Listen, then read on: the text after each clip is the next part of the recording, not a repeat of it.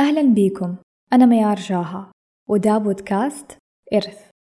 دا البودكاست بشارك فيه رسائل عن أمور استوعبتها ووعيت بيها في رحلة حياتي. وأمور عشتها في طريقي. رسائل ومحتوايا هي الإرث اللي أتمنى تكون موجودة عشان تفيد وتنور الناس في الحياة حتى لو انتهت حياتي في يوم من الأيام. ولهذا السبب سميته إرث. لأني متأكدة إنه كلمة مني ممكن تكون رسالة نور ووعي لشخص ما في ذا العالم. وحلقة اليوم بعنوان ليه تتمنى حياة غيرك؟ مرات الواحد ينسى إنه الحياة لها ثمن وإنه تقريبا كل شيء له ثمن. صح أحيانا في أشياء تجيك بالمجان وبدون تعب بس أغلب وأكثر الأشياء اللي تجيك حتجيك ومعاها ثمنها. فمثلا عشان تكون شخص قوي حتمر بمواقف وظروف صعبة وتحطمك. حتمر بأشخاص يسببوا لك نوع من الألم. وعشان تكون شخص واعي وناضج حتتعرض لصدمات وأحداث ترهقك. وعشان تكون شخص بصير حتمر بظلام في مراحل من حياتك وحتضيع كثير في طريقك. فما حد صار قوي أو ناضج من فراغ. وقيس على ذلك. أي شيء ممكن يوصل له الشخص من نجاح أو غنى أو حكمة وغيرها. الواحد ما يوصل لهذه الأشياء ويحصل عليها جاهزة وبسهولة. أنت فقط قاعد تشوف النتيجة اللي وصل لها الشخص بس ما شفت الرحلة اللي كانت خلف هذا الشخص. بقول هذا الكلام لأنه في وقتنا هذا صار سهل الواحد يتمنى يكون شخص معين. أو يتمنى حياة شخص معين وخصوصا على ال social media. بتكون أنت متابع مشاهير وفنانين وممثلين ومؤثرين وناس مرة كثير من كل العالم. وأنت ما بتشوف غير حياتهم اللي بينشروها لك صورهم الجميلة لحظاتهم السعيدة نجاحاتهم الكبيرة. إلين ما تحس إنه حياة الناس على ال social media قد إيش سهلة ومثالية. فبالتالي تحس بكمية نقص بس عشانك مو زيهم وحياتك ما هي زيهم. تحس بنقص لأنك شفت الجزء الكامل من خلال شاشتك. معتقد إنه فعلا هذا هو الجزء الكامل وهي في الحقيقة جزء صغير جدا من أجزاء كثيرة أنت مو شايفها وراء الشاشة. فلا تغرك حياة الناس أمام الشاشة ولا عمرك تتمنى حياة أحد ثاني. مهما كنت شايفة حياة رهيبة وسعيدة وشايفة الغنى والنجاحات والماديات والسفرات والعلاقات السعيدة. ورا الشاشة في أمور لو عرفتها غالبا حتخليك تبطل تتمنى حياتهم. لأنه يا حيكون وراها جهد والتزامات وشغل مستمر أو تعب جسدي أو نفسي أو ممكن مرض بيعاني منه أو قد إيش هو بيسهر وبيعمل تضحيات كبيرة. أو قد إيش عنده معاناة معينة أو ضغوطات مادية أو اجتماعية أو مشاكل وأشياء كثيرة غيرها. يمكن أنت ما تقدر تتحملها ولا تناسبك لا نفسيا ولا جسديا ولا ذهنيا. أشياء ممكن تكون فوق طاقتك وقدراتك أنت. أو حيكون وراها كذب خداع ظلم انحرافات أخلاقية أو محرمات وغيرها من الأمور السيئة يمكن أنت ما ترضاها ولا تبغاها. ولو عرفت تفاصيل التفاصيل حتبطل أكثر وأكثر لأنه ترى مو كل شيء حيناسبك أخلاقيا ودينيا أو حيناسب معتقداتك ومبادئك وقيمك. لأنك بتتابع ناس كثيرين مختلفين عنك في أشياء كثيرة فطبيعي تكون في أشياء مقبولة وأشياء غير مقبولة أبدا. وأكيد كمان ما نقدر نعمم ونقول إنه كل الناس سيئة على السوشيال ميديا. بس في مقابل الناس اللي بتتعب على نفسها في ناس بتلعب على غيرها. يوهمك إنه والله تعب على نفسه بس تلاقيه وصل بواسطات ولا انشهر وصار غني بأمور ما هي مشروعة أو غيرها. ودائما في الجيد والسيء في أي مكان. بس مو كل شي حلو تشوفه. تصدقه وكمان الواحد ما يقدر يحكم ويجزم إنه حياتهم سعيدة ولا تعيسة حلوة ولا سيئة مرتاحين ولا تعبانين. لأنه مستحيل تعرف الحقيقة الكاملة لحياة الناس وخصوصا على السوشيال ميديا. وأرجع وأقول إنه مو كل شي شايفه قدامك هو شيء سهل وجاهز. لأنه زي ما قلت إنه كل شيء ومعاه ثمنه. أوقات يكون الثمن جهدك تضحياتك وممكن أشياء تجي على حساب نفسك صحتك أهلك وغيرها. وأوقات يكون الثمن دينك أخلاقك وأشياء قيمة. فمثلا بعض الناس للأسف سهل تبيع دينها سهل تبيع قيمها ومبادئها بس عشان شي حلو في السوشيال ميديا. فما تعرف حقيقي إيش الثمن اللي دفعه الشخص عشان صار بهذا الشخص أو بهذه الحياة. فدايما لما تشوف الناس وحياتهم أمام الشاشة لا تكون معمي بحياتهم وتصدق كل شيء. لما تحس إنك جالس تنبهر بيهم وبحياتهم ذكر نفسك إنه هذا جزء صغير من نفسهم أو دقايق بسيطة من الأربعة وعشرين ساعة اللي في يومهم. هم قرروا يشاركوك هو وإنه هذا مو كل حياتهم. لما تجلس تقارن نفسك بالأشياء الحلوة اللي شفتها أمام الشاشة وتبدأ تحس إنه فيك شي غلط أو حياتك كلها غلط خذ بس لحظة عشان تستوعب وتذكر نفسك إنه ما في حياة كاملة ومثالية مهما إيش شفت. كلنا بشر كلنا بنعاني وبنتعب كلنا عندنا أسرار كلنا عندنا مصاعب في جوانب الحياة. كلنا عندنا الحلو والسيء.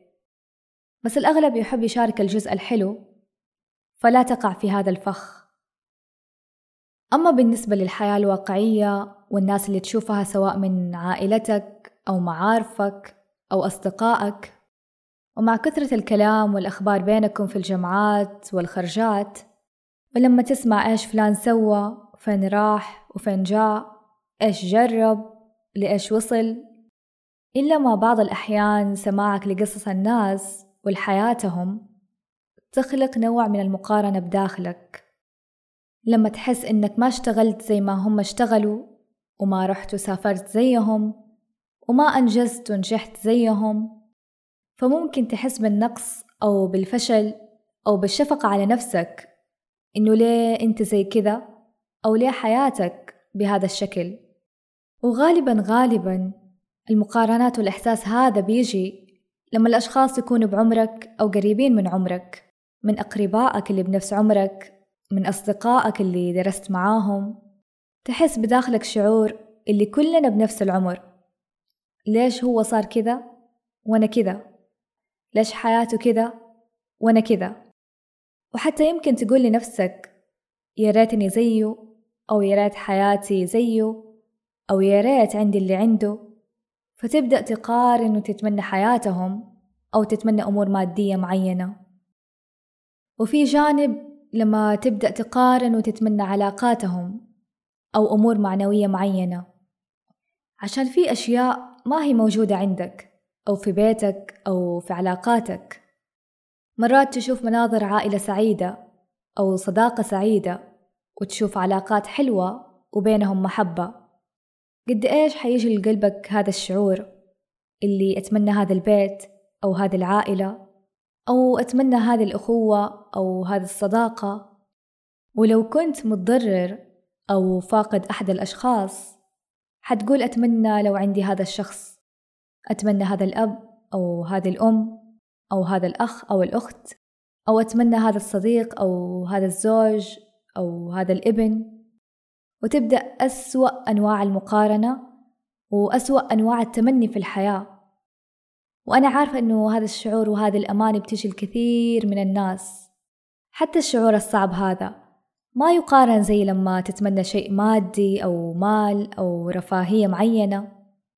بس في النهاية الواحد دايما يحاول يذكر نفسه إنه أي بيت أو عائلة أو علاقات معينة أنت تشوفها ترى ما بيعكسوا وبيظهروا كل شيء. يعني حقيقي البيوت أسرار. مهما إيش شفت حتى لو كانت أشياء حلوة وحقيقية برضو الشيء اللي تشوفه ما هو كل شيء. حياتهم ما هي وردية ولا هي مثالية ولا هي دايما سعيدة. يعني أكيد عندهم مشاكل عندهم معاناتهم وأشياء متعبتهم في جوانب ثانية من الحياة. أنت ما تدري. يمكن في أشياء لو عرفتها في كل عيلة وفي كل علاقة ما رح تعجبك لأنه مو كل شي حيناسبك أنت. وتذكر إنه الدنيا أرزاق. يمكن الله ما عطاك عيلة بس عطاك شي ثاني. يمكن الله رزق بعض الناس عيلة جميلة بس أخذ منهم شي ثاني. ترى ما في شي كامل. وآخر نقطة حابة أقولها حلو إنك تشوف الأشياء الحلوة في الناس سواء من حياتك الواقعية أو من ال social media.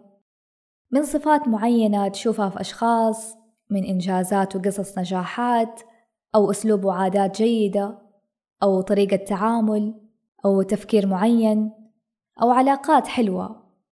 وتأخذهم كمصدر إلهام لك. مثلا صفة معينة تحاول تزرعها فيك. عادة أو أسلوب معين تساعدك تنجز بطريقة أفضل. طريقة تعامل أو علاقة معينة تحاول تبنيها بطريقة أفضل في المستقبل. وهكذا. يعني حلو إنك تستلهم من الناس عشان أنت بتطمح تصير شخص أفضل وتعيش حياة أفضل. لكن إنك تقول أتمنى أكون فلان أو أبغى حياة فلان طب أنت ما تعرف فلان هذا بالكامل. ولا تعرف حياته بالكامل. أنت مو عايش جواته ولا عايش حياته ولا تعرف إيش بداخله من هموم مشاكل أمراض آلام وأسرار وأمور كثيرة مخفية عنك حقيقي ما يعلمها إلا الله. حتى تقول أبغى حياته.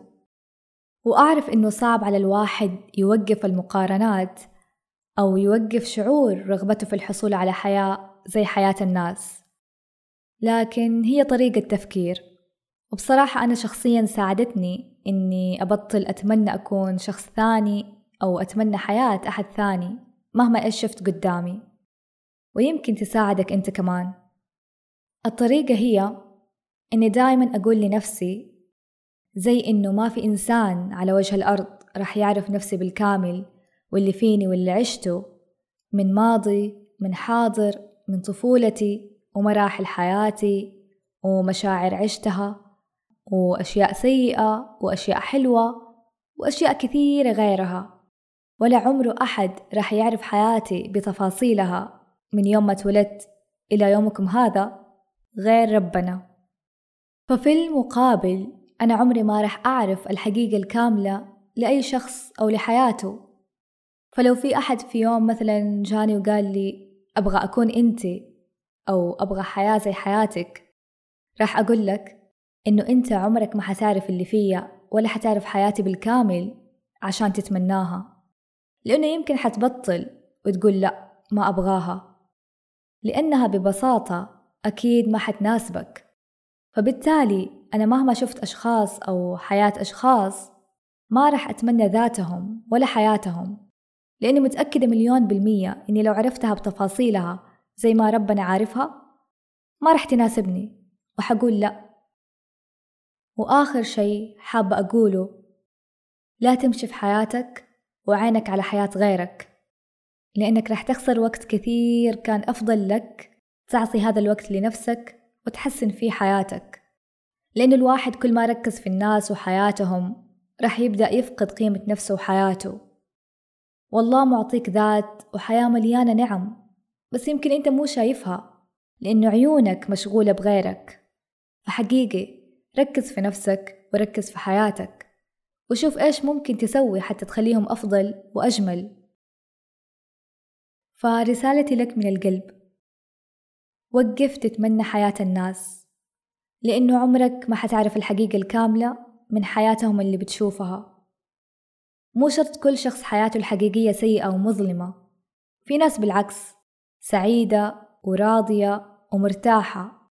بس كل الناس حتى لو هم سعيدين عندهم الحلو والمر والألم والراحة.